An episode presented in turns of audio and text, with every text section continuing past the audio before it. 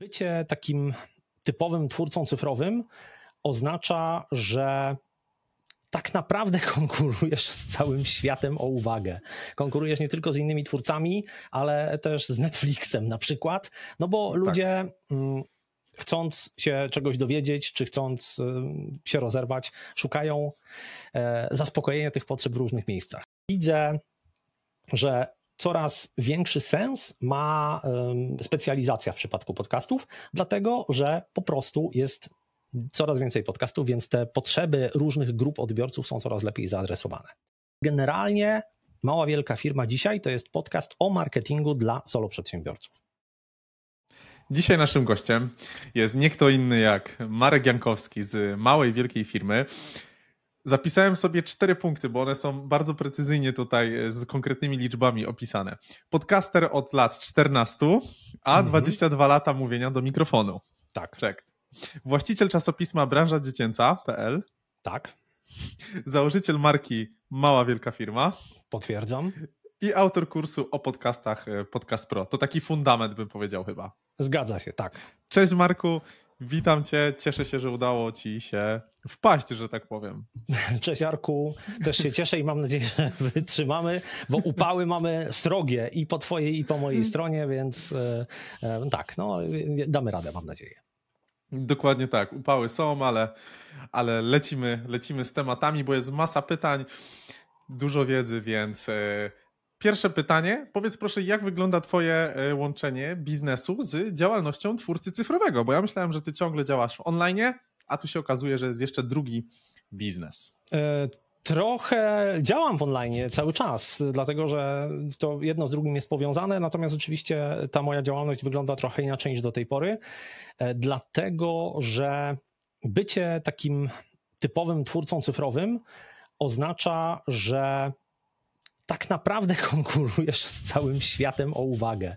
Konkurujesz nie tylko z innymi twórcami, ale też z Netflixem na przykład, no bo tak. ludzie. Mm, chcąc się czegoś dowiedzieć, czy chcąc y, się rozerwać, szukają e, zaspokojenia tych potrzeb w różnych miejscach. Natomiast jeżeli jesteś przedsiębiorcą, no to wygląda to trochę inaczej, dlatego że e, wtedy konkurujesz e, może mniej o uwagę, bardziej o pieniądze, ale z innymi przedsiębiorcami, które, którzy zaspokajają podobne potrzeby i to jest zawsze mniejsze grono niż grono osób tworzących różnego rodzaju treści. I mm, to, to jakby to, to rozgraniczenie jest o tyle może nieostre, że bardzo często przedsiębiorcy, żeby pozyskać klientów, tworzą treści i z drugiej strony twórcy treści bardzo często e, gdzieś zaczynają te treści z czasem monetyzować, ale właśnie to, to jest z mojego punktu widzenia droga e, może po podobnej trasie, ale w trochę dwóch różnych kierunkach.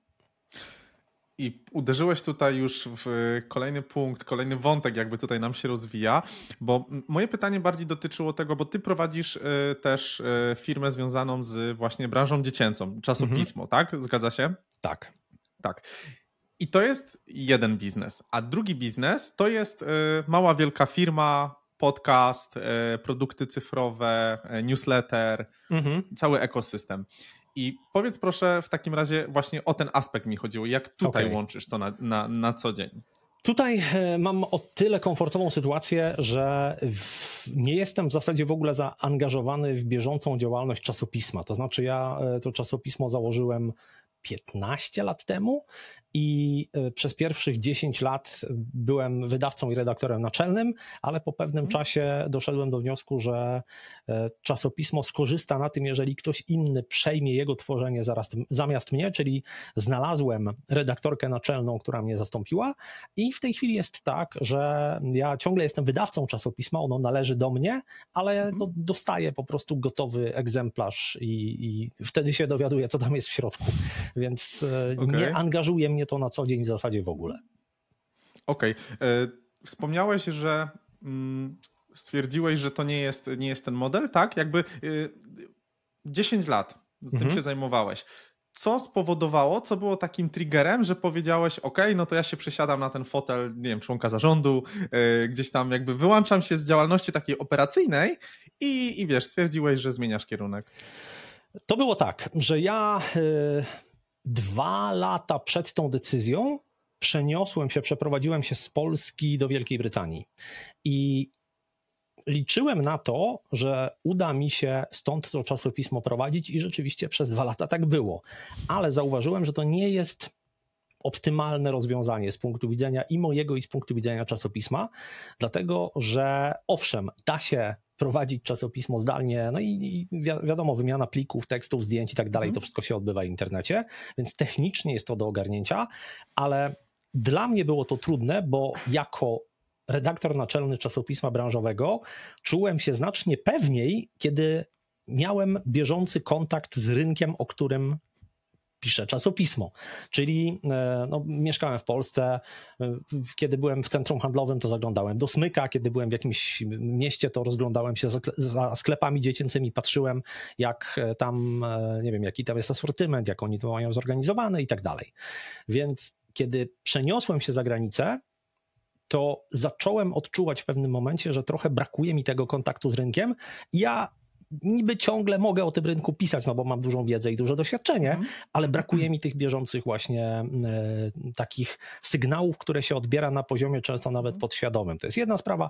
Druga sprawa jest taka, że e, tam jest no, bardzo mały, ale jednak jest taki kilkuosobowy zespół, więc też e, zauważyłem, że żeby dobrze mm, zaopiekować się tym zespołem, mm. no to jednak lepiej być na miejscu niż robić to na odległość.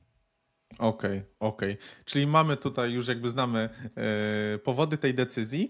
No i teraz opuszczamy temat e, branży dziecięcej i produkty cyfrowe. I czy tutaj ta droga od razu, że tak powiem, się zadziała, czy jeszcze było coś, mówiąc kolokwialnie, e, w tak zwanym międzyczasie? Z innego podcastu, wywiadu gdzieś z tobą zanotowałem sobie, że był taki etap, że właśnie postanowiłeś założyć firmę, Okazało się, że nie jest to takie łatwe. E, nie, nie zweryfikowałeś też e, grupy docelowej i tak dalej, i na szczęście miałeś tą umiejętność e, i byłeś konferencjerem gdzieś tam, i, i to ci dawało cash flow. Tylko pytanie, czy ten etap był przed branżą dziecięcą, czy on był właśnie pomiędzy branżą dziecięcą a rozwojem tej działalności małej, wielkiej firmy? E, to było przed. To było tak, że ja założyłem firmę, początkowo to była agencja opiekunek, no i okazało mhm. się, że e, nie jest to takie proste, żeby taką usługę sprzedać, a jeszcze mhm. trudniejsze, żeby na niej zarobić, e, nie będąc osobiście opiekunką, tylko wynajmując no tak, tak naprawdę opiekunki rodzicom.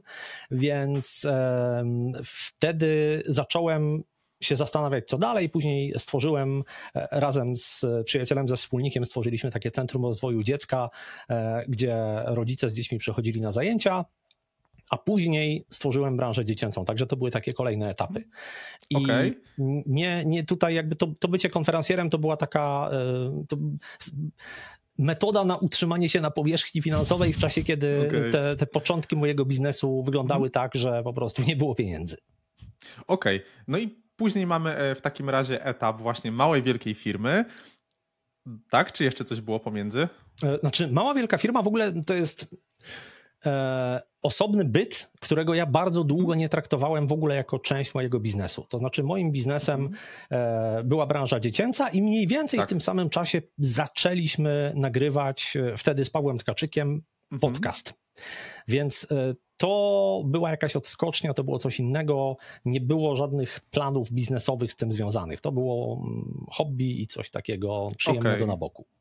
Czyli można już odpowiedzieć na pytanie, że najpierw była społeczność. Budowana e, wokół podcastu? E, tak. tak. Mhm. I co po tym podcaście? Bo podcast nagrywaliście przez kilkanaście lat, on jest nagrywany e, do dzisiaj, jakby ewoluował, mhm. Mm, ale co w międzyczasie się działo? Jak, jak ten proces wyglądał do momentu stworzenia kursu Podcast Pro, wydania e-booka i, i ta droga do dzisiaj, tak, że tak powiem?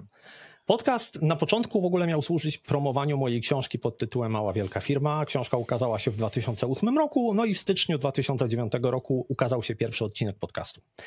E, bardzo szybko okazało się, że podcast, gdyby miał się ograniczać do tego, e, o czym była książka, no to skończyłby się bardzo szybko.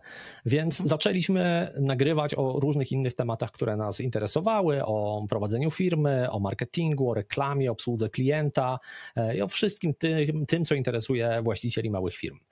E, dość szybko okazało się też, że podcast y, gdzieś, ponieważ to była nowa forma w ogóle wtedy w Polsce, zainteresował ludzi z Radia Wrocław i oni zaproponowali nam audycję, więc bardzo szybko nasz, nasz podcast stał się audycją radiową i był nią przez nie wiem, 2-3 miesiące, po czym radio zmieniło ramówkę zupełnie i, i okazało się, że to, to, to, pasmo wieczorne, w którym my byliśmy, stało się pasmem muzycznym, no ale my nagrywaliśmy sobie dalej. I podcast okay. to była taka, taka okazja do tego, żebyśmy z Pawłem mogli sobie usiąść i pogadać o tematach, które nas interesują.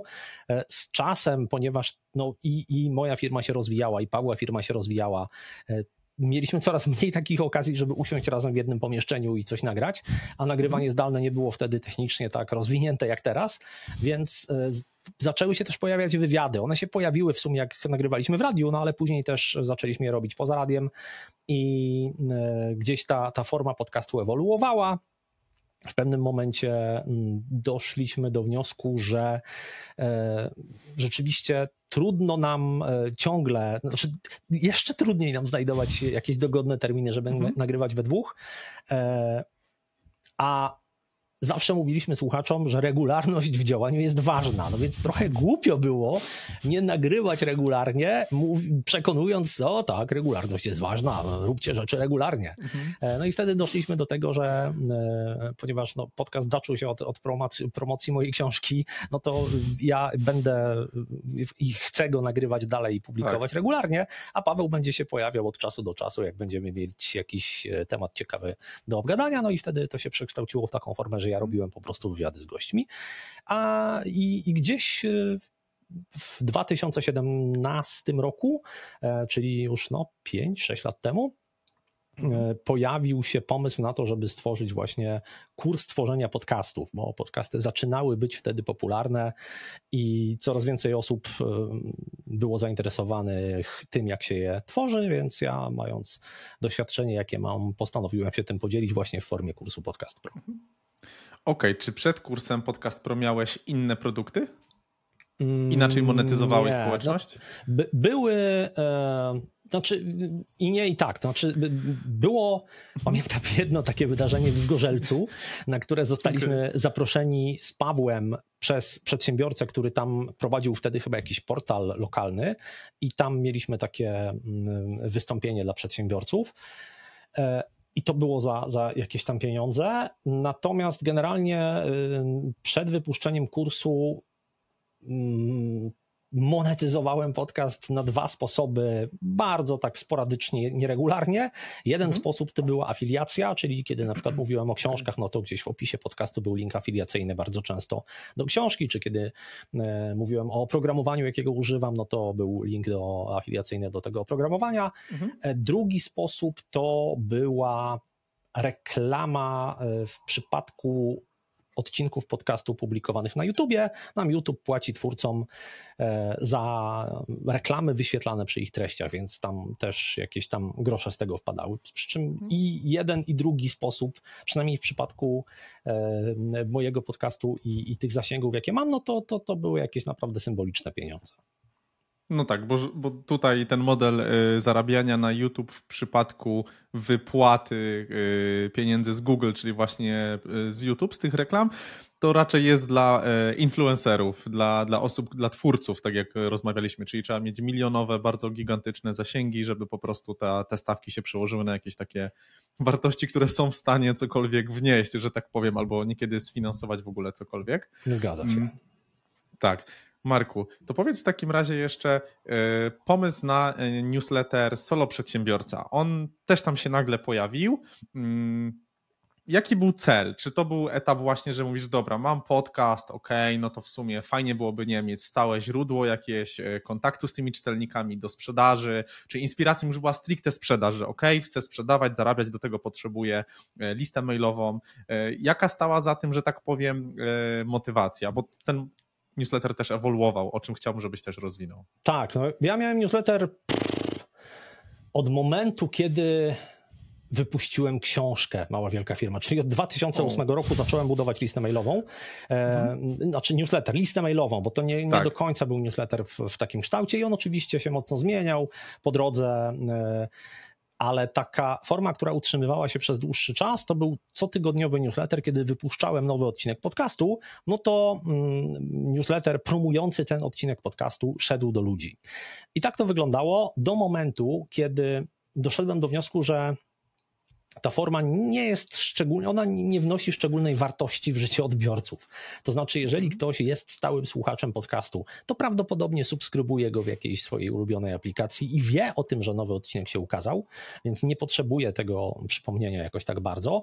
I też treść tego newslettera, no to było gdzieś y, może czasem poszerzenie, może podsumowanie, coś związanego z tematyką odcinka, więc nie było to nic szczególnie innego. I e, doszedłem do wniosku, że po pierwsze, wolałbym, żeby ten newsletter był takim samodzielnym bytem, który e, nieważne, czy ktoś słucha podcastu, czy nie, to on da mu wartość. A z drugiej strony pomyślałem, że dobrze by było też trochę doprecyzować grupę docelową e, podcastu, a newsletter był takim pierwszym krokiem. Dlatego, że podcast Mała Wielka Firma no, pojawił się w 2009 roku. I mhm. wtedy naprawdę nie było innych podcastów. Dzisiaj jest ich e, dużo, dużo więcej, również podcastów o biznesie. I z mojego punktu widzenia, bo też no, mam kontakt z bardzo wieloma podcasterami, bo przechodzą przez mój kurs, więc widzę, jakie podcasty wypuszczają. Mhm. E, widzę, że coraz większy sens ma specjalizacja w przypadku podcastów, dlatego że po prostu jest coraz więcej podcastów, więc te potrzeby różnych grup odbiorców są coraz lepiej zaadresowane. I e, pomyślałem, że solo przedsiębiorcy, właśnie osoby prowadzące jednoosobowe biznesy, to jest ta grupa, która najbardziej mnie interesuje. Dlatego newsletter był skierowany właśnie do tych osób, żeby e, spróbować z jednej strony, na ile dla mnie e, będzie mm, ciekawe pisanie dla tych osób i kontakt z nimi i tak dalej, z drugiej strony, żeby też właśnie zbadać grunt, czy to jest dobry kierunek dla podcastu, więc najpierw można powiedzieć, że, że newsletter był taką e, próbą generalną przed doprecyzowaniem grupy docelowej mhm. podcastu.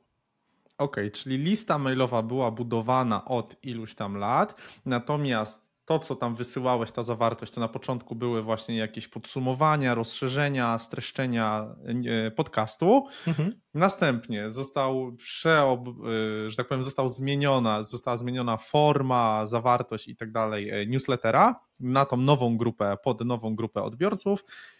I chyba już wiemy wszyscy, że eksperyment się powiódł, wypaliło, więc podcast też już trochę skręcił w tą taką stronę komunikację w zasadzie widzę, bo tematyki, które poruszasz, e, bo też nie ukrywam, że słucham, mm, to są tematyki o przedsiębiorczości, myślę, dla przedsiębiorców, ale widzę, że tam jest ten angle takie mm, pod takim kątem właśnie solo przedsiębiorstw, przedsiębiorców i mniejszych właśnie mm, osób, a nie takich korporacyjnych, bym powiedział, rozwiązań. Tak, znaczy są tematy, których e, w tej chwili nie uświadczysz nie tylko w newsletterze, ale i w podcaście, no bo newsletter mm. powiedzmy był, był tworzony z taką myślą, ale e, w tej chwili ja w ogóle nie nagrywam żadnych odcinków związanych z zarządzaniem zespołem, rekrutacją, z budowaniem zespołu, e, z jakąś e, budowaniem kultury organizacyjnej, z, no, a były takie odcinki. W ogóle nie wchodzę w tematy związane z jakimiś zagadnieniami prawnymi, a byli wcześniej goście prawnicy, którzy też o tym mówili, o ochronie praw autorskich, o RODO i tak dalej. W ogóle nie wchodzę e, w tematy takie mocno finansowe, jakieś inwestowanie i tak dalej.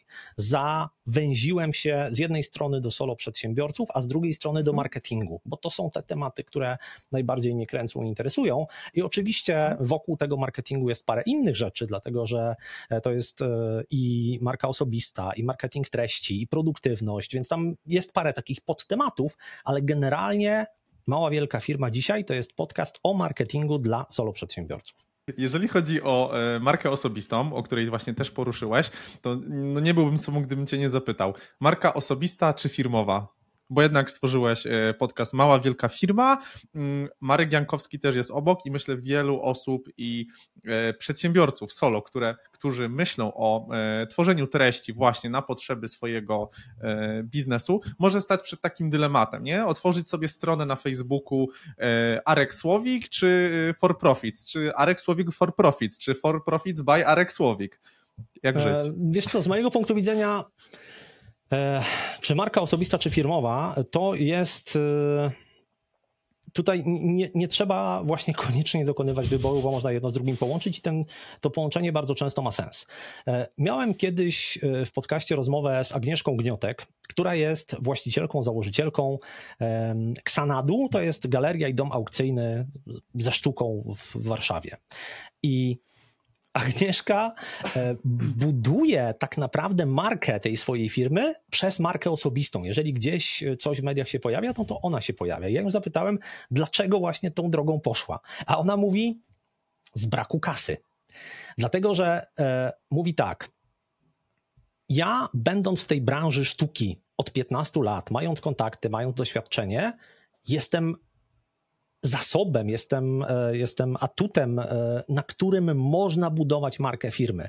Gdybym chciała zainteresować ludziom, ludzi jakimś nikomu nieznanym domem aukcyjnym czy nikomu nieznaną galerią, to byłoby to dużo trudniejsze niż przebić się z tym, co ja robię, potrafię i tak dalej. No i prawda jest taka, że jeżeli mówimy o PR-ze i, i docieraniu do, do mediów, do jakichś tam zewnętrznych e, miejsc, które pomogą nam się przebić mhm. z komunikatem o naszej działalności, no to żadnego medium nie interesuje, co się dzieje w jakiejś tam jednej z wielu galerii w Warszawie, ale te media równocześnie chętnie zamieszczą wypowiedź eksperta, który powie coś o tym, co się dzieje e, w świecie sztuki dzisiaj, albo e, te media napiszą o tym, jak na przykład osoba żyjąca przez całe życie zawodowo e, zajmująca się sztuką odnajduje się w biznesie. Mhm. Więc dużo łatwiej buduje się nawet markę firmy na marce osobistej. Dlatego, że no, generalnie łatwiej ufamy ludziom niż ufamy firmom, więc marka mhm. osobista przyspiesza to budowania zaufania i oczywiście może przeszkadzać. Może przeszkadzać, kiedy chcesz budować zespół i okazuje się, że wszyscy twoi klienci chcą pracować wyłącznie z tobą, a nie z twoimi pracownikami. Może przeszkadzać e, bardzo, kiedy chcesz sprzedać firmę i okazuje się, mhm. że nikt nie chce kupić tej firmy bez ciebie. Ale z mojego punktu widzenia to osobiście to nie jest problem, dlatego że ja nie buduję biznesu typu performance. Ja nie buduję wielkiej firmy, która ma generować coraz większe liczby, tylko ja buduję biznes typu lifestyle. Znaczy, ja, moja firma ma spowodować, że mnie się będzie wygodnie żyć. Ona nie ma być jak największa, ona ma być taka, żeby mi było wygodnie. E, więc e, w tym przypadku ta marka osobista absolutnie nie jest żadnym obciążeniem, a nawet jak popatrzymy na wielkie biznesy, to można bardzo fajnie połączyć markę osobistą z marką firmy Wtedy, kiedy e, ta marka osobista jest takim liderem, frontmanem, e, takim influencerem w danej branży. No i, i Przykłady? Richard Branson, który ma na Twitterze okay. tam chyba 12 milionów obserwujących, a mhm. Virgin ma, nie wiem, 250 tysięcy. E, ale no jest, jest Rafał Brzoska i jest Impost. Inpost jest bardzo silną marką, ale i tak Rafał Brzoska mhm. E, się, się, wyróżnia na tym tle. Już nie mówię o takich markach jak e, Michał Sadowski i Brand24, mhm. Paweł Tkaczyk i Midea, e, Artur Jabłoński i Digitalk, Maciej Lewiński i jego firma, której nazwy tak. nawet, nawet nie ja znam, po co. No, Dokładnie więc... tak. Więc e, tak to wygląda. Tutaj nie ma mm, z mojego punktu widzenia konfliktu, chyba że rzeczywiście no, budujesz biznes z takim założeniem, że no, tak jak branża, widzisz, o, branża dziecięca może być ciekawym przykładem, dlatego że ja jako redaktor naczelny branży dziecięcej byłem takim właśnie frontmanem i oddając tę rolę redaktora naczelnego, musiałem się wymiksować trochę z tego. I też to był proces, który zajął rok, bo musiałem przekonać tych wszystkich partnerów, z którymi my współpracowaliśmy mhm. jako czasopismo i oni współpracowali personalnie ze mną, że ta nowa osoba, która przychodzi na moje miejsce, ja mam do niej pełne zaufanie, ona tutaj jest na stałe i ona się odnajdzie i ja za to ręczę. I czyli oni mają tego... czas, żeby się hmm. przestawić. Tak, czyli pomimo tego, że była marka, to tak czy inaczej dostawcy y, mieli relacje z Markiem, z Markiem rozmawiali przez jakiś tam dłuższy okres czasu y, i tak inaczej nie, nie uniknęło się tych perturbacji. Ja myślę, że jest, y, jest tak, jak mówisz, jakby z tym się zgodzę, czyli musieli, musimy określić sobie, jaki jest nasz cel budowy firmy. Jeżeli ktoś buduje firmę pod sprzedaż, no to raczej, e, raczej brand firmowy, zewnętrzny niż, niż swój.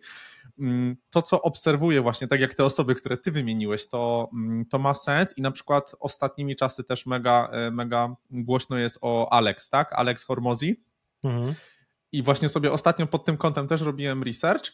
to to wygląda tak, że jego zasięgi to jest tam w sumie powiedzmy 2-5 milionów, żony tej Lali chyba tam półtora miliona czy kilkaset tysięcy, a strona na Facebooku ich marki acquisition.com, tam jest chyba, nie wiem, tysiąc lajków, coś tego tak, typu. Tak, Więc no. widać, że oni po prostu, to jest założona strona, jest tam obrędowana i tak dalej.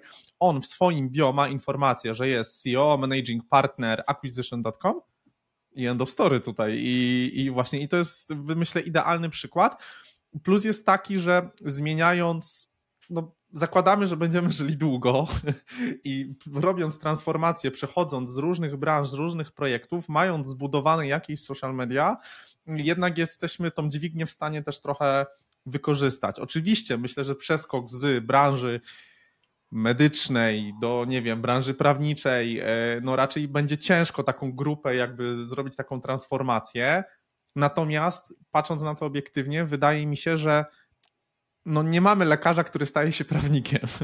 A Wiesz jeżeli co? Ktoś jest... Znaczy, to, to, to jest tak, że jeżeli budujesz swoją markę jako lekarz, to rzeczywiście przeskok do tego, że tutaj nagle opowiadasz o prawie, jest trudny. Ale jeżeli budujesz swoją markę jako przedsiębiorca w branży medycznej, który otwiera kliniki, mhm. który otwiera e, jakieś przychodnie i tak dalej, i robisz przeskok do przedsiębiorcy, który działa w branży prawnej i otwiera kancelarie prawne, to to już jest zupełnie do pogodzenia. Myślę, bo wiadomo, że... że to nie ty leczysz tych ludzi, tak. wiadomo, że nie ty występujesz w sądzie. Ty jesteś po prostu tak. frontmanem różnych biznesów, które prowadzisz i wspólne cechy tych biznesów w jednym i drugim przypadku to może być jakaś, nie wiem, e, super obsługa klienta. To, to jest, wiesz, tak jak Virgin. To jest grupa firm, tam są loty w kosmos, są linie lotnicze, są pociągi i tak dalej, i mhm. są usługi finansowe i różne inne. I każda z tych firm ma pewne takie wspólne cechy tego takiego stylu Richarda Bransona, gdzie on jest taki tak. kolorowy, pomysłowy, kreatywny i, i te firmy wszystkie takie są, mimo że działają w różnych bardzo branżach. Zgadzam się. To przechodząc teraz do Marka. E, chciałem powiedzieć do Polski wracając, ale no nie, wracając do UK, przechodząc do Marka, Marka jako Jankowskiego, e, mówimy o tych socialach i o tych liczbach i zasięgach. Jak twój eksperyment odsunięcia social mediów? No świetnie. E, no, ja... może jeszcze przytoczmy dwa, dwa, trzy zdania, jakby o co chodzi z tym eksperymentem, bo nie każdy musi w sumie mieć background Jasne. tło. Na koniec marca e, tego roku, e, czyli 2023, gdyby ktoś słuchał w przyszłości, e, pomyślałem, że spróbuję na trzy miesiące wyjść z mediów społecznościowych. Mimo, że mam tam jakieś, jakieś zasięgi, oczywiście jakieś tam, nie pamiętam tych liczb, no ale tam na Instagramie, już na Facebooku, o ile ktokolwiek tam zagląda, tam mam jakieś konto, gdzieś przez jakiś czas działałem na, znaczy działałem, no byłem na LinkedInie, na Twitterze, gdzieś tam trochę się E, udzielałem w różnych miejscach. No i doszedłem do wniosku, że chcę, że straszliwie mnie to męczy, rozprasza, nie chcę tego i chcę spróbować, jakby to było nie być w social mediach. I rzeczywiście dałem sobie takie trzy miesiące, żeby ocenić, jak to wychodzi. Po tych trzech miesiącach, e, znaczy najpierw nagrałem odcinek podcastu, gdzie zapowiadałem, że zaczynam coś takiego, żeby też ludzie nie byli zaskoczeni, że piszą do mnie gdzieś tam e, na Messengerze, ja nie odpisuję. No nie odpisuję, mhm. bo mnie tam nie ma po tych trzech miesiącach zrobiłem takie podsumowanie, gdzie powiedziałem, jak to wyglądało i że przedłużam ten okres niebycia w social mediach. No i uważam, że to jest krok w dobrą stronę. Na pewno są minusy. Wiadomo, że jeżeli się jest w tych social mediach, to człowiek gdzieś ma takie poczucie, że dociera ciągle do tych ludzi, że gdzieś widzi ktoś te treści, tam lajkuje i tak dalej. Ale z drugiej strony korzyść związana z tym, że masz spokojną głowę, że nie masz takiego ciśnienia, żeby tam ciągle sprawdzać, co tam się dzieje. Nie masz takiego ciśnienia, ojej, od trzech dni już nie wrzuciłem nic, coś by wypadało wrzucić. E, to powoduje, że mm, moim zdaniem warto i trafiam nawet na takie osoby, e, to też wychodzi, kiedy człowiek, wiesz, kiedy człowiek mhm. zacznie, jak, jak wymyślisz sobie, że będziesz miał niebieski samochód, to wszędzie widzisz niebieskie samochody. No tak, więc jeżeli, jeżeli się nastawiłem na to, że mnie nie ma w social mediach, to widzę coraz więcej takich sytuacji, gdzie ludzie są w tych social mediach totalnie bez sensu, bo rozmawiałem yy, niedawno, w zeszłym tygodniu z taką osobą, która mówi, że jest na LinkedInie i tam publikuje i, i teoretycznie jej grupa docelowa tam jest, ale nie, nie, widzi za bardzo efektów, dlatego że te osoby, na których najbardziej jej zależy, no to one nawet jak tam wpadają, to tak naprawdę niczego nie publikują, trudno cokolwiek skomentować pod ich treściami i tak mhm. dalej. Ja mówię, a ile jest tych osób, czy tych firm, na których najbardziej ci zależy, takich twoich idealnych klientów? To, to jest firma, która ma dość dużych klientów, więc ona mówi, no tak, z pięć firm. Ja mówię, no więc jeżeli tobie zależy na relacjach z ludźmi decyzyjnymi z pięciu firm, to bycie na LinkedInie w nadziei, że może ktoś z nich coś twojego przeczyta, gdzie wiadomo, że algorytmy y, są nieprzewidywalne i albo ktoś to zobaczy, albo nie, jest Dokładnie. dużo mniej efektywne niż namierzenie ludzi z tych firm, gdzie oni, na jakie konferencje chodzą, e, gdzie, gdzie chodzą do pubu, no cokolwiek, ale mhm. jesteś w stanie ludzi z pięciu firm namierzyć dużo celniej skuteczniej, nawiązać dużo mocniejsze relacje na inne sposoby niż publikując coś tam na LinkedInie. I mm, rzeczywiście jak popatrzymy zwłaszcza na solo przedsiębiorców, którzy na przykład czy robią strony internetowe, czy, czy mm, różne inne rzeczy, to faktycznie taki solo przedsiębiorca nie potrzebuje tłumu klientów.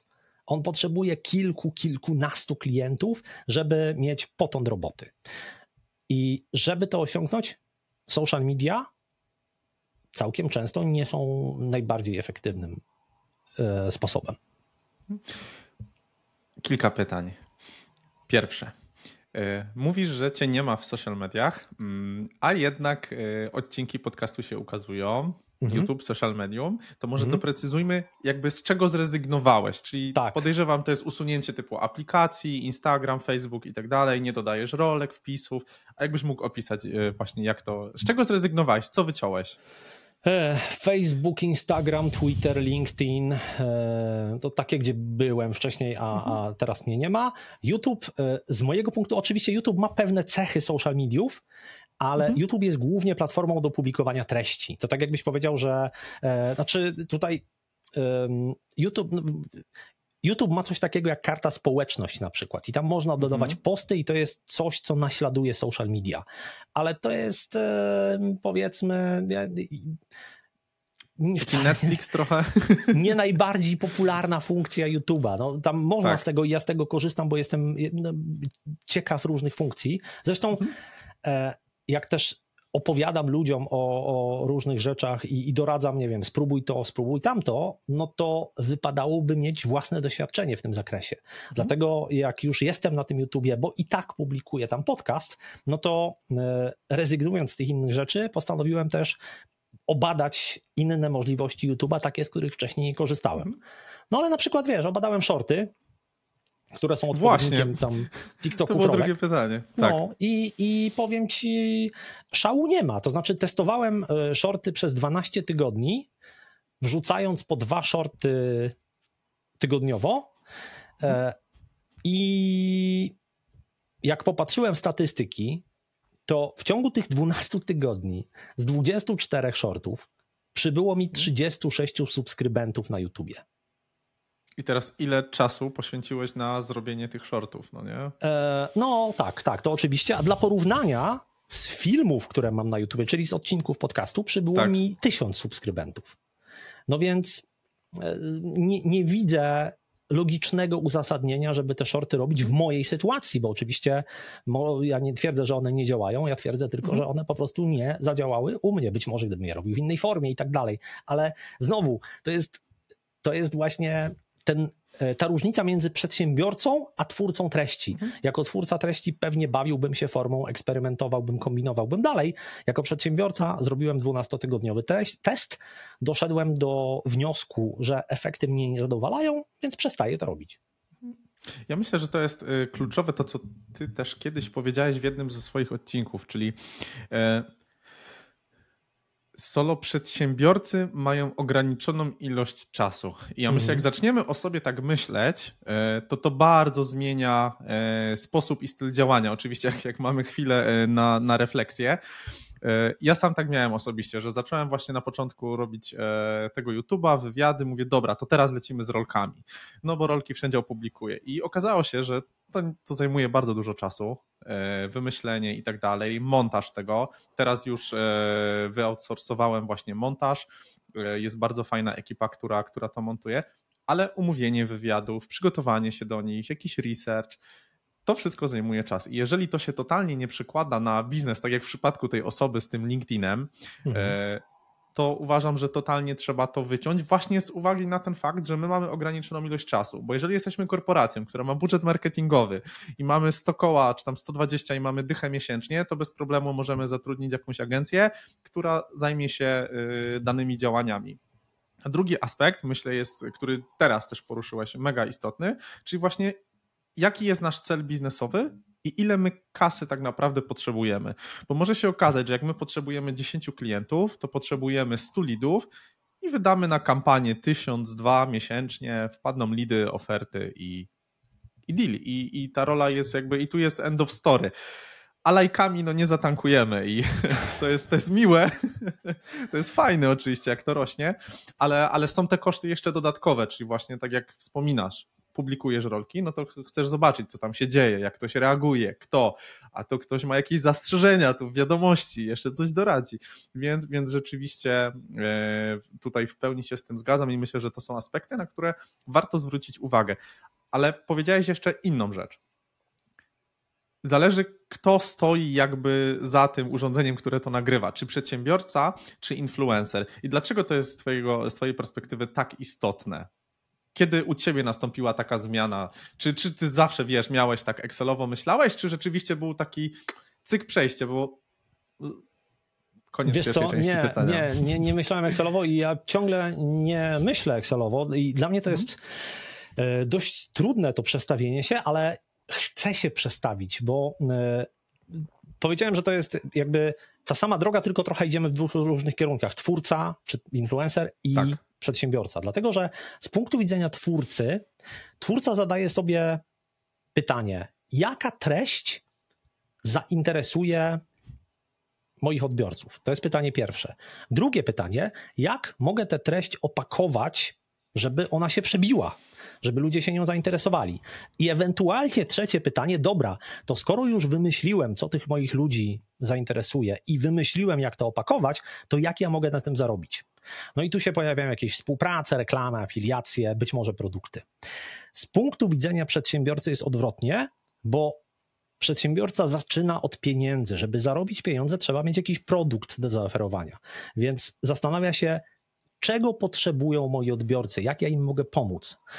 Dalej, drugie pytanie, jak ja mogę to opakować, ale już nie w jaką formę, tylko znaczy w jaką formę produktu. Czy to ma być e-book, czy to ma być kurs, czy to mają być konsultacje, czy to ma być jeszcze coś innego. I jak już wymyśliłem, jaki problem odbiorców rozwiązuje i jakim produktem, to teraz zastanawiam się, jaka treść pomoże mi ten produkt sprzedać. Więc twórca zaczyna od treści, przedsiębiorca kończy na treści. Mhm. Odwrócony zupełnie y, proces, jakby, jakby jest, tutaj jest napędzane to właśnie produktem, a tutaj jest napędzane to chęcią e, zbudowania zasięgów i dotarcia do większej ilości osób. Jak twój newsletter jest tworzony? Bo jest bardzo fajnie, jest e, krótko, na początku jest e, zawsze jakaś merytoryka, takie actionable steps, później są e, linki, sponsorzy. Jest to bardzo fajne. Ja w moim newsletterze przez jakiś czas też tak robiłem, natomiast no, mam to bardzo nieefektywnie czasowo rozwiązane. Jak ty to robisz, powiedz? Sam zbierasz. tak, już ci mówię. No, w ogóle ta forma właśnie z linkami i tak dalej, ona się zaczęła e, kilkanaście miesięcy temu niecałe półtora roku temu, więc jakby mam, mam trochę doświadczenia i też zobaczyłem po drodze, co działa, co nie działa. E, I rzeczywiście na początku jest taki wstęp ode mnie, e, taki merytoryczny, później jest mocna czwórka tak zwana, czyli cztery tak. linki do różnych ciekawych treści, e, które wiem, że zainteresują moich odbiorców. Później jest na zmianę w jednym tygodniu jakiś, jakieś narzędzie, czyli jakieś oprogramowanie na, na przemian z ciekawą książką, którą warto przeczytać. Dalej są sponsorzy, którzy pojawili się niecały cały rok temu, czyli maksymalnie 5 linków e, do, do, do sponsorów, no i później jest deser, czyli jakieś takie czasem jedno zdanie, czasem trzy zdania, e, jakiegoś takiego podsumowania do zastanowienia. I tutaj no, pe pewnie e, najbardziej taką mm, zwracającą uwagę częścią tego newslettera są rzeczywiście te linki, czyli mocna czwórka. E, jak ja to robię, żeby, żeby to było efektywne w miarę czasowo? Po pierwsze. Wartościowe. Tak, tak, to, to o widzisz, to jest do, to dobre pytanie. Po pierwsze, staram się nie robić tego na ostatnią chwilę, tylko zbierać te linki do przodu. I na przykład teraz mam nazbieraną e, taką pulę linków na 8 tygodni do przodu. 8 tygodni razem 4, razy 4 linki, no to są 32 linki. Mhm. Przy czym zawsze w każdym tygodniu pierwszy z tych linków kieruje do moich treści. Albo to jest nowy odcinek mojego podcastu, albo to jest jakiś jeden z poprzednich odcinków mojego podcastu. Przy czym dobieram te poprzednie odcinki też tak, żeby one były dla solo przedsiębiorców, bo jak mówiłem kiedyś, te tematy niekoniecznie e, akurat solo przedsiębiorców dotyczyły.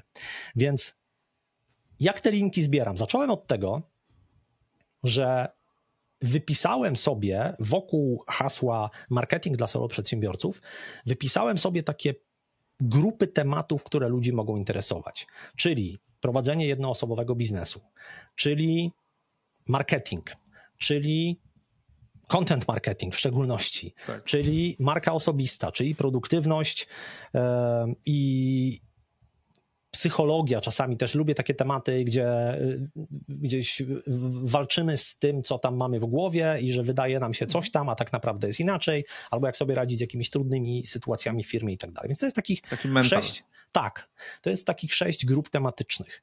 No i mając te grupy tematyczne, dużo łatwiej mi wyszukiwać konkretne rzeczy i wyszukuję je y, i w Google, i na YouTubie, i w wyszukiwarkach podcastowych próbując wpisywać mniej więcej takie tematy, czy takie pytania, jakie moi odbiorcy mogą wpisywać. Przy czym e, te wyniki, które dostaję, też bardzo mocno filtruję, dlatego że jest masa. Jak zaczniesz tak robić, to zobaczysz, że jest masa wyników. gdzie na pierwszych pozycjach ci wyskakują jakieś blogi pisane pod SEO, czy jakieś tak. takie teksty pisane przez AI, które są bardzo takie słabe, no.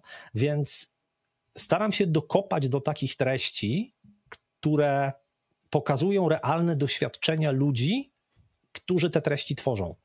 Dzięki czemu to jest takie bardziej konkretne, namacalne, bardziej praktyczne. Bardzo mi zależy na tym, żeby te rzeczy, które, do których linkuję, dawało się w jak największym stopniu wdrożyć do codziennej działalności w firmie. I um, wyszukuję te linki.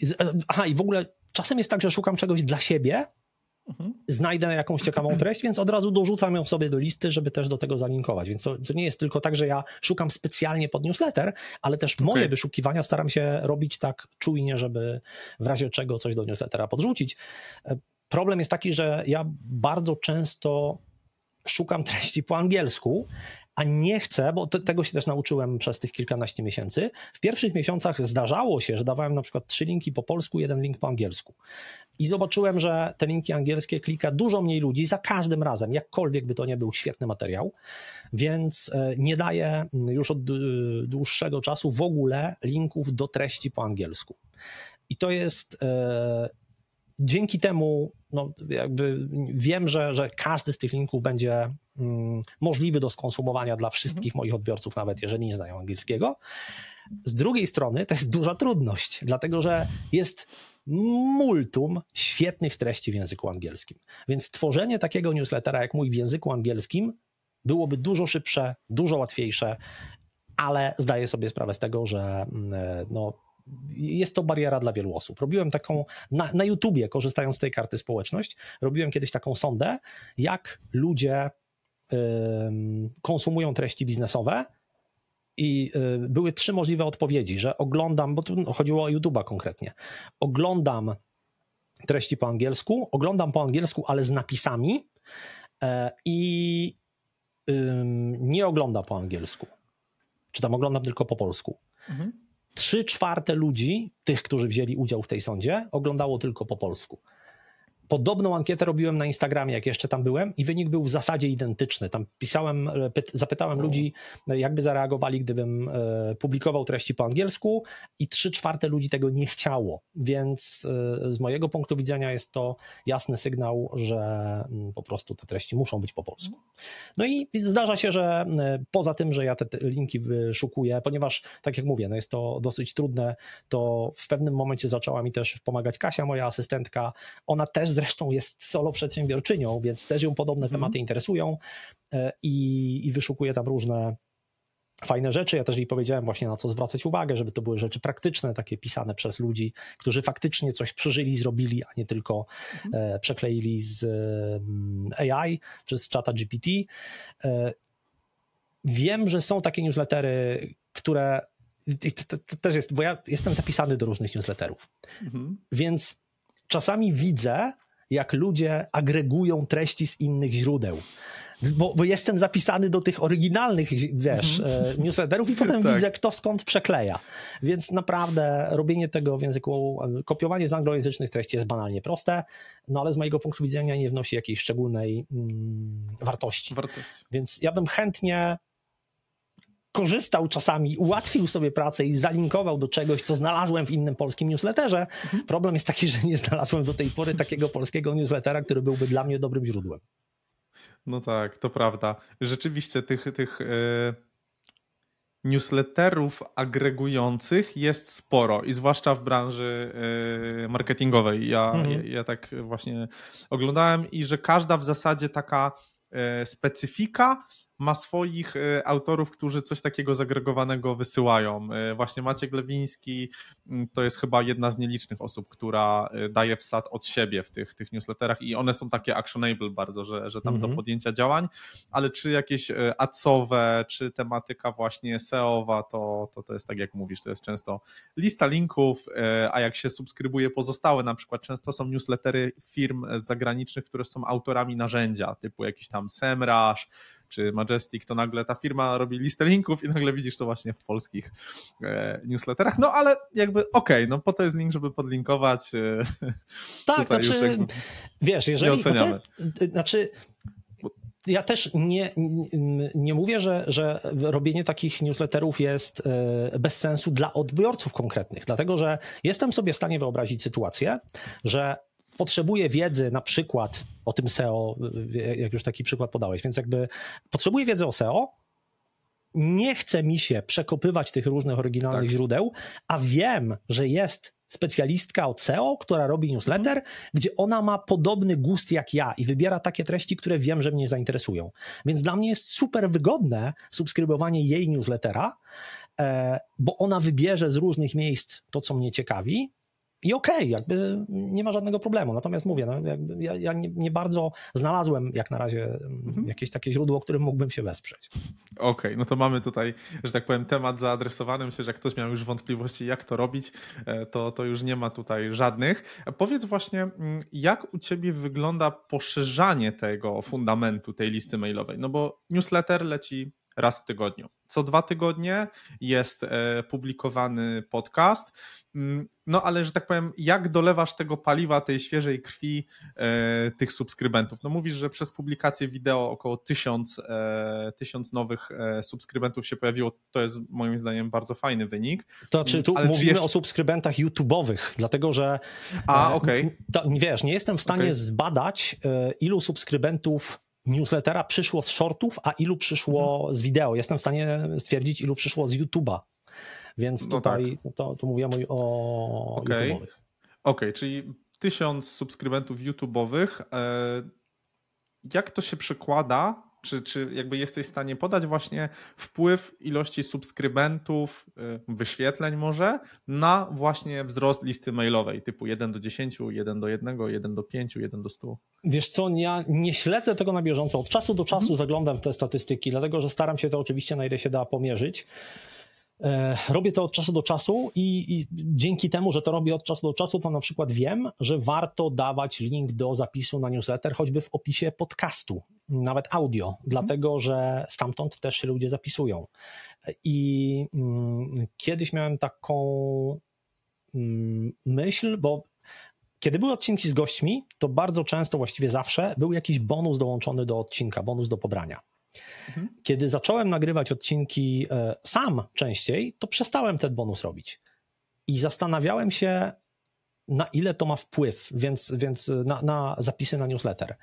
Popatrzyłem w statystyki, okazało się, że ten bonus, no oczywiście przyciąga też ludzi na newsletter.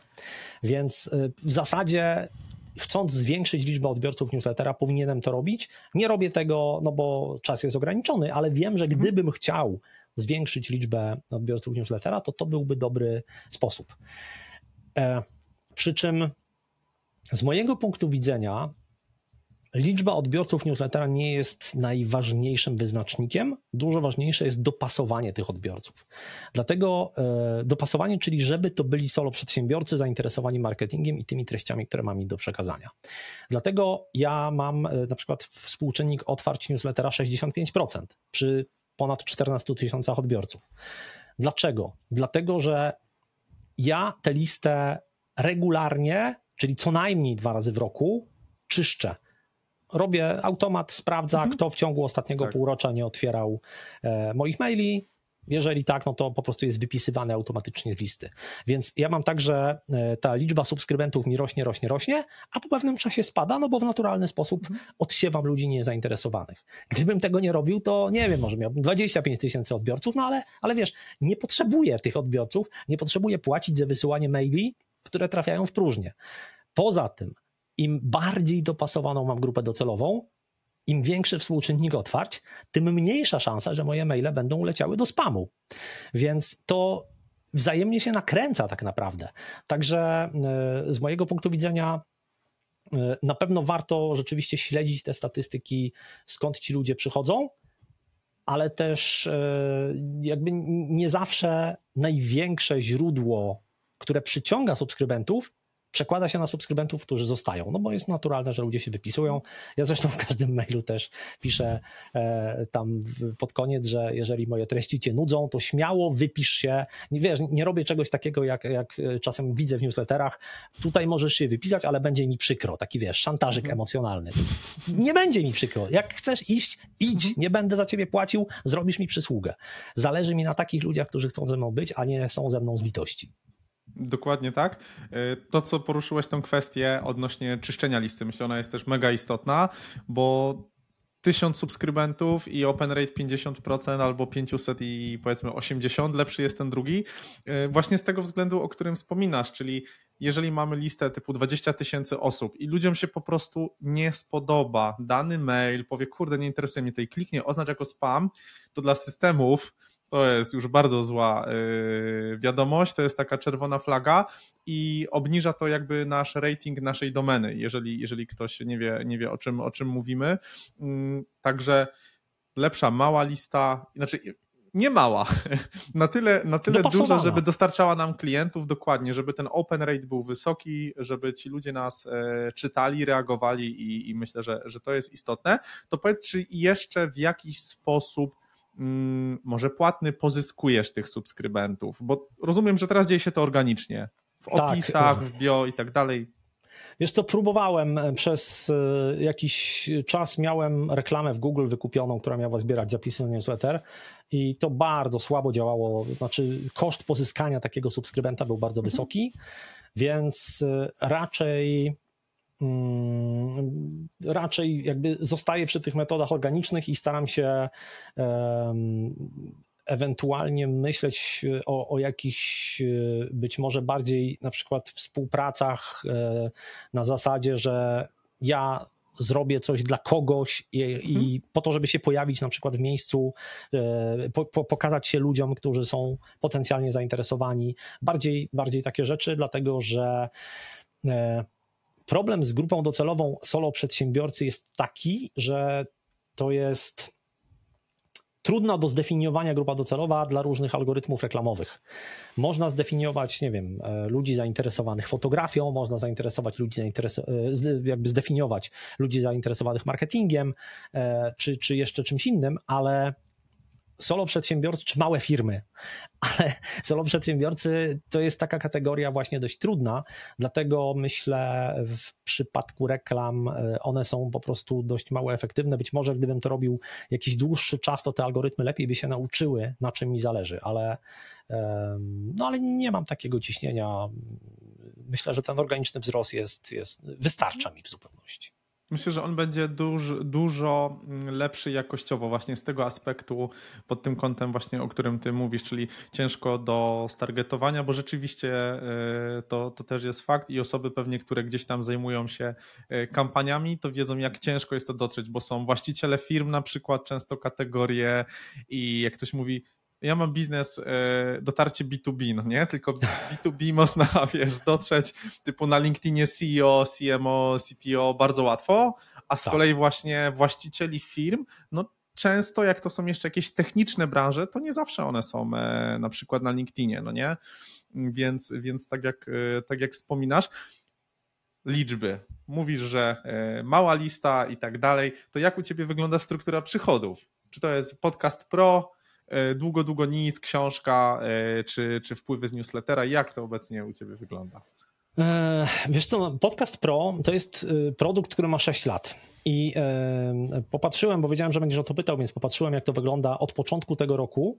I e, w tym roku do tej pory Podcast Pro to jest 40% moich przychodów, mimo że była tylko jedna edycja, bo zwykle miałem dwie. Zwykle miałem na początku roku tam w lutym na przykład i drugą w czerwcu, a w tym roku nie robiłem w czerwcu. Więc e, to jest sporo. Później na kolejnych pozycjach było, znaczy oprócz, inaczej, może nie na kolejnych pozycjach, ale oprócz Podcast Pro mam jeszcze dwa produkty mhm. dla podcasterów, czyli jest chat GPT dla podcasterów i taki e-book Chcę nagrywać podcast, ale dla osób, które chcą wejść w podcasting, ale jeszcze trochę się boją. E, I to są produkty, które na ten moment e, mają gdzieś ponad 50% generują przychodów, ale e, to wynika z tego, że właśnie gdzieś no, zbudowałem tę markę Podcast Pro e, parę lat temu jako markę produktową i ona cały czas dobrze działa. A pójście w stronę produktów związanych z marketingiem i adresowanych do solo przedsiębiorców stricte, to jest rzecz stosunkowo nowa, dlatego że ja to zacząłem robić e, no, de facto wiosną tego roku, czy wczesną wiosną tego roku. Więc tutaj e, jest kurs tworzenia ofert z ChatGPT, to jest tak. gdzieś tam 20% przychodów. Jest taki produkt jak MWF Masterclass, e, czyli nagrania z konferencji małej, wielkiej mhm. firmy e, i jest reklama w moim newsletterze, więc to, to są takie źródła przychodów, więc większość stanowią te związane z mhm. podcastami, mhm. ale myślę, że w przyszłym roku to się już będzie odwracać. Okej, okay. i wspomniałeś teraz właśnie, że mm, kurs dla podcast, o podcastach, o ich tworzeniu, to jest no nie powiem, że wygasające, bo lwia część twojego przychodu, ale nie masz stricte pod to grupy docelowej, jakby czy zaczyna się ona przeobrażać, zaczyna się, się zmieniać, to czy będziesz teraz e, jakby co, nie będziesz otwierał, robił kolejnego okienka, czy jakby będziesz robił okienko, będziesz sprzedawał właśnie, żeby generować paliwo, cashflow, no bo jest dobry produkt, e, są recenzje i tak dalej, więc trzeba dać klientom okazję na dołączenie do, do grona, e, że tak powiem, kursantów, mm, ale jednak fokus już na budowę tych produktów pod tą Twoją przyszłą grupę docelową? Wiesz co, znaczy to jest, uważam, świetny produkt dla solo przedsiębiorców, przy czym on zaspokaja e, mocno specyficzną potrzebę, co akurat w przypadku kursów nie jest złe. Dlatego, że tak, naprawdę ten kurs uczy, jak robić content marketing w formie podcastu. Więc e, to jest jak najbardziej dla solo przedsiębiorców, no ale zdaję sobie sprawę z tego, że nie wszyscy solo przedsiębiorcy e, potrzebują content marketingu w takiej formie i e, nie wszyscy są e, przekonani do tego, czy czują się na siłach, żeby tak. w ogóle nagrywać podcast. Więc tutaj powiedziałbym, że, że ten związek między grupą docelową a produktem jest niezły, ale jest to produkt niszowy, biorąc pod uwagę tę grupę. E, w związku z tym zależy mi na tym, żeby właśnie mm, zaproponować inne produkty, takie, które zaspokoją inne potrzeby tej konkretnej grupy, na której się skupiam. Także jak najbardziej będą kolejne edycje Podcast Pro. E, zastanawiam się jeszcze, dlatego że tutaj e, kampanie sprzedażowe są super, no bo mobilizują klientów, z drugiej strony wiadomo, tak. że one też no, wypompowują dość mocno, więc mhm. zastanawiam się jeszcze, czy nie przejść na taki model, że po prostu ten kurs będzie dostępny w stałej sprzedaży, tego jeszcze nie zdecydowałem, ale z całą pewnością nie zamierzam go usunąć z rynku, no bo, bo e, raz, że bardzo wielu osobom już pomógł, jeżeli rzeczywiście ma super recenzję, a dwa, że uważam, że to jest e, genialny produkt dla osób, które właśnie tego potrzebują, właśnie chcą robić content marketing i, i właśnie chcą go robić w formie podcastu. Mhm. Okej. Okay. To w takim razie jakie kursy? Jakie plany na 2024? Gdzieś słyszałem, że mówiłeś chyba, że cel na ten rok to było dojście do 600 tysięcy yy, z tej działalności. Mhm. Co Marek, czym Marek zaskoczy w przyszłym roku? Wiesz Czy może jeszcze w tym? Gdybym powiedział, to bym nie zaskoczył. E, to jest tak, że mm, ja zawsze się waham, e, mam takie, wiesz, opory, żeby mówić o, mhm. o, tych, o tych planach, dlatego że e, słyszałem o czymś takim, że jest coś takiego jak bezpodstawne poczucie postępu czy satysfakcji, znaczy samo, mhm. sam fakt, że mówisz ludziom o swoich planach, mhm, jedni mówią tak. pomaga, dlatego że to jest e, taka forma. Takie zobowiązanie, nie? Że tak, takie mówię, zobowiązanie. Tak, i... mhm. tak, tak, taka forma gdzieś e, e, publicznego przyrzeczenia, że coś, czymś się zajmiesz. Z drugiej strony e, są tacy, którzy mówią, jest dokładnie odwrotnie. To znaczy, to, że podzielisz się swoimi planami, powoduje, że w Twoim mózgu gdzieś już się odpala takie poczucie samozadowolenia. O, już zrobiłem taki duży krok, ogłosiłem, że będę to robił, ludzie mi powiedzieli, że fajnie i już wiesz, już już jakby czuję się trochę zaspokojony. Więc mhm. no, na pewno jakby mm, na pewno chcę, chcę właśnie wzmocnić te produkty dla solo przedsiębiorców, na pewno związane z marketingiem. E, co do szczegółów, no to tutaj one mm, gdzieś trochę już mam, trochę sobie je układam, więc wiesz, no też nie chcę obiecać czegoś, czego potem nie dowiozę, mhm. ale e, myślę, że mm, Poza tym nie, nie, zamierzam też rezygnować z tych produktów dla podcast, jakby związanych z mhm. podcastingiem, no bo, tak. bo, one uważam też, że jak najbardziej mają miejsce. Więc y, jest taki jeden produkt też związany z podcastami, e, nad którym zacząłem pracę, ale robię go wspólnie z inną osobą mhm. i zaczęliśmy przed wakacjami, później były wakacje, więc e, trochę się mm, te, ten, to, to, to, tempo prac się rozluźniło, więc też planowaliśmy wstępnie, że to gdzieś jesienią tego roku będzie, ale właściwie mhm. E, prawie na pewno nie będzie, a to myślę też będzie e, ciekawa propozycja dla ludzi zainteresowanych podcastami, ale bardziej w formie wideo, więc to, to okay. też się może udać. Okay, czyli prace trwają, będzie kilka z tego, co mówisz, y, produktów, może nie wszystkie naraz, ale po kolei jeden związany właśnie z podcastami i jakieś dla y, solo przedsiębiorców związane z marketingiem. A jeżeli możesz, to podrążę jeszcze, jeżeli nie, to mów y, enough. To będzie kurs, czy to będzie coś innego, na przykład jakiś komplet, nie wiem, checklista, jakieś, wiesz, e, nie wiem, tu Bartek Popiel ostatnio mamy jego kampanię w głowie, więc tam checklisty, mapa myśli, oczywiście e, lista zadań z, z Asany, czy w, w jakiej co? formie? E, już ci mówię, myślę, myślę o takich formach, dlatego, że bardzo mi się podobają takie formy narzędziowe. Forma zależy od tematyki, bo... Czyli jeszcze nie jest wybrana. Nie, nie, dlatego że okay. Generalnie chcę e, zrobić kilka produktów, ale mniejszych, nie tak wielkich jak Podcast Pro. I chcę, żeby te produkty gdzieś e, się może nie łączyły ze sobą, ale żeby osoba, która kupi jeden produkt, też e, miała, żeby była dobrym kandydatem do zakupu kolejnego produktu. I czy to będzie kurs, czy. Wiesz, to no ja mam. Te, to czasami trudno zdefiniować, dlatego że na przykład jest e, ten mój e, kurs właśnie, tworzenie mhm. ofert z chat GPT. I tak. z jednej strony jest to kurs, znaczy jest to godzinny materiał, w którym ja pokazuję ci, jak wykorzystać chat GPT do tego, żeby zrobić ofertę. E, czy landing page, czy, czy ofertę wysyłaną od klienta, czy, czy stronę z ofertą na, mhm. na witrynie internetowej. Z drugiej strony można prompty. na to popatrzeć jak na zestaw narzędzi, bo to są prompty, tak. I e, właśnie y, to jest o tyle fajne połączenie, że dostajesz nie tylko same gołe prompty, mhm.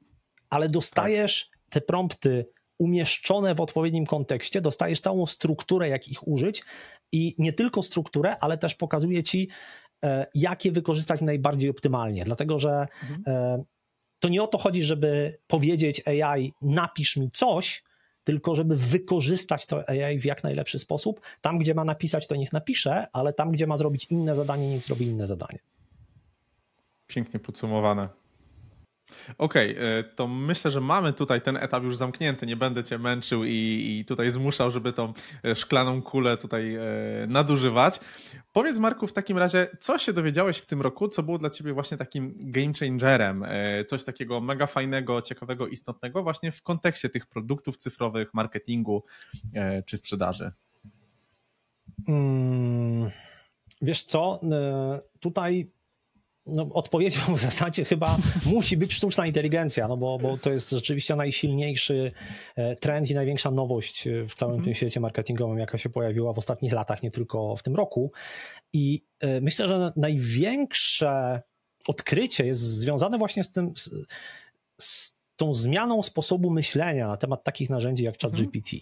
To znaczy, kiedy ChatGPT się pojawił pod koniec 2022 roku, to przez moment było takie przekonanie, i być może niektórzy ciągle y, je mają, że to jest narzędzie, które będzie tworzyć treści za nas.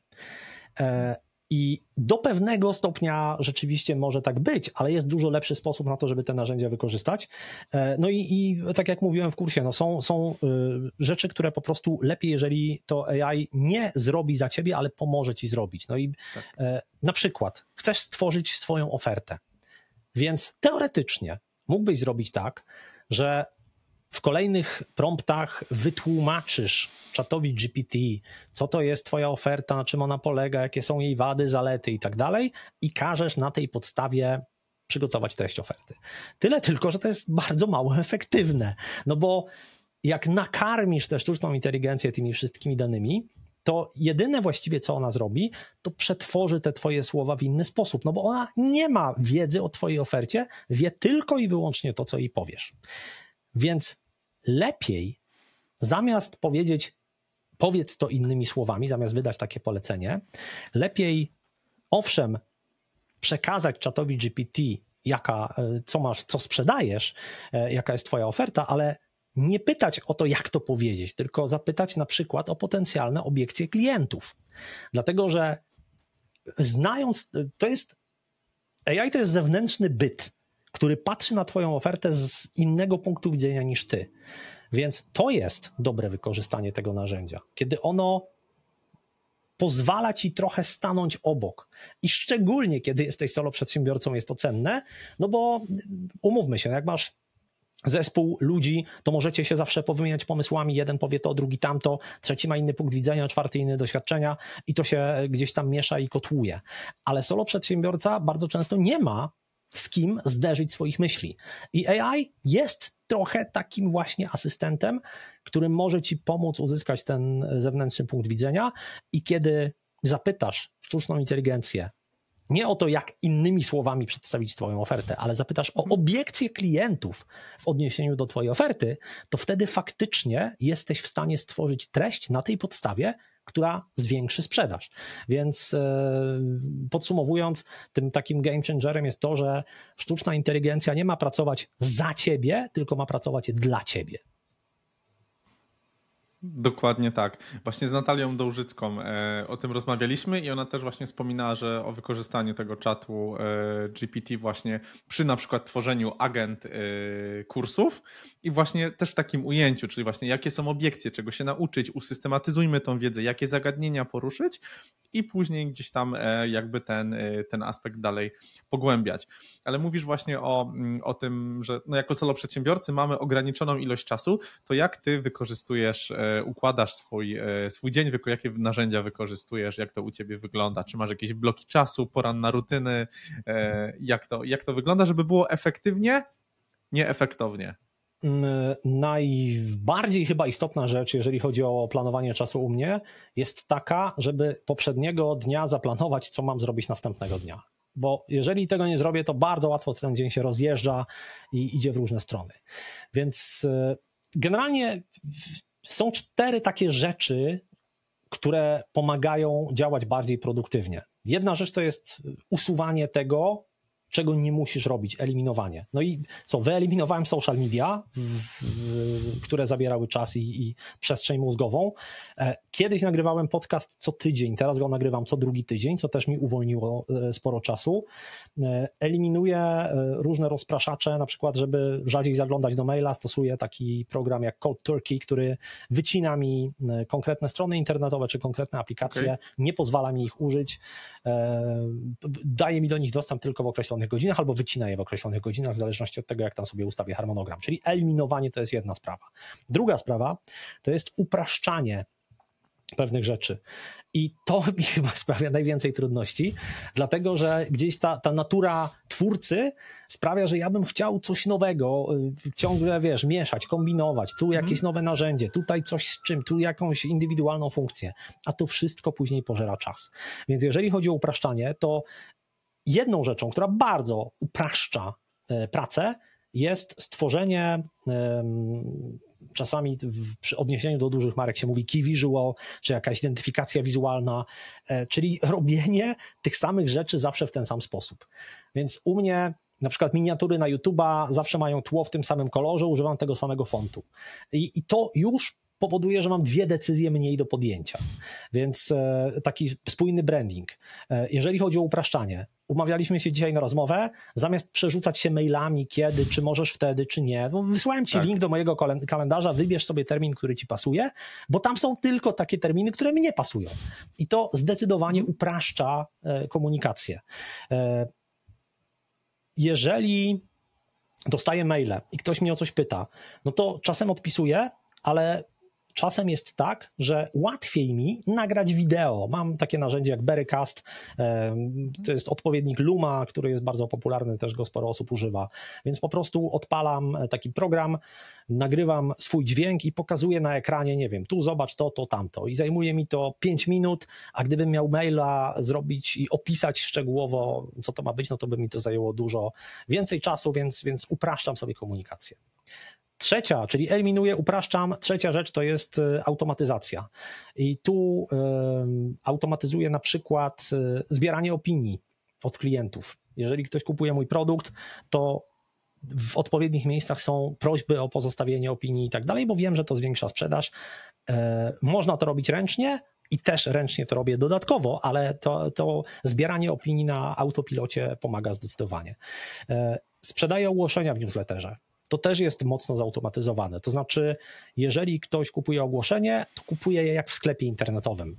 Klika, płaci, dostaje mm, e, automatyczne potwierdzenie, prośbę o przesłanie treści ogłoszenia, tam są wytyczne, jak to ma wyglądać, więc jest to mocno zautomatyzowane. Zresztą, jeżeli ktoś kupi takie ogłoszenie, to my mu później wysyłamy, bo też Niektórzy robią jakąś e, analitykę po swojej stronie, niektórzy nie.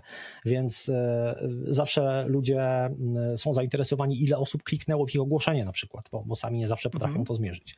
Więc też wysyłamy każdemu klientowi link, gdzie on może sobie samodzielnie w każdej chwili sprawdzić, ile na bieżąco ma kliknięć w swoje ogłoszenie. Więc to też jest automatyzacja. Nie musimy tych informacji podawać każdemu ręcznie.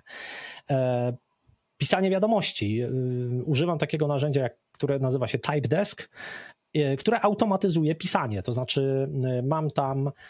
Jeżeli wcześniej mówiłem o tych odpowiedziach wideo na maile, mhm. więc tak. mam taką w Type Desku między innymi automatyzację, która mówi: Hej, i tutaj wpisuję imię. Dzięki za maila nagrałem dla ciebie odpowiedź wideo. Dwukropek i wstawia link do tego wideo, które mam w schowku e, skopiowany. I to jest drobna rzecz, ale wiesz, no im więcej takich drobnych rzeczy, mhm, tak. tym więcej tego czasu się oszczędza. E, tak samo faktury. Mam zrobioną taką automatyzację w zapierze, że jeżeli dostaję maila z fakturą, no to mógłbym ten załącznik tego PDF-a gdzieś przeciągnąć do odpowiedniego folderu, ale ja to robię tak, że przekierowuję tego maila na specjalny adres w zapierze i ten załącznik trafia automatycznie do odpowiedniego folderu, e, więc nie muszę go później szukać i, i nie zapominam o tym. E, więc e, eliminowanie, automatyzowanie, upraszczanie i, i, czwarta rzecz to jest delegowanie oczywiście.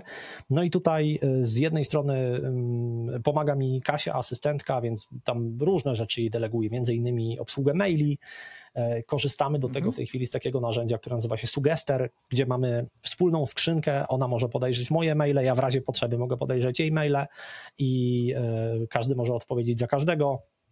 Deleguje oczywiście montaż podcastu, e, deleguje też utrzymanie stron internetowych i tutaj do komunikacji i z Kasią, i z Tomkiem, który zajmuje się stronami internetowymi, i z Grześkiem, który montuje podcast, używamy ClickUpa, e, gdzie tam wszystkie okay. te projekty się znajdują. Także no, jest tego sporo, ale to tak jest, że, że każda, każde takie drobne usprawnienie gdzieś kumuluje się z czasem. No i trzeba być może dzisiaj poświęcić godzinę na to, żeby coś tam poustawiać i skonfigurować, ale jeżeli oszczędzasz na tym 10 minut tygodniowo, no to po 6 tygodniach jesteś do przodu.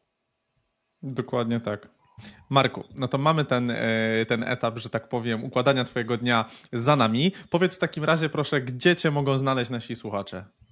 Najłatwiej na stronie maławielkafirma.pl i tam, jeżeli się kliknie w zakładkę newsletter, to można się zapisać na newsletter albo po prostu można wpisać w przeglądarce soloprzedsiębiorca.pl i też e, trafisz w dokładnie w, te samo, w to samo miejsce, e, czyli na stronę zapisu na newsletter, a jeżeli ktoś jest zainteresowany tworzeniem podcastów, wykorzystaniem podcastów w content marketingu zwłaszcza, to zapraszam na stronę podcastpro.pl.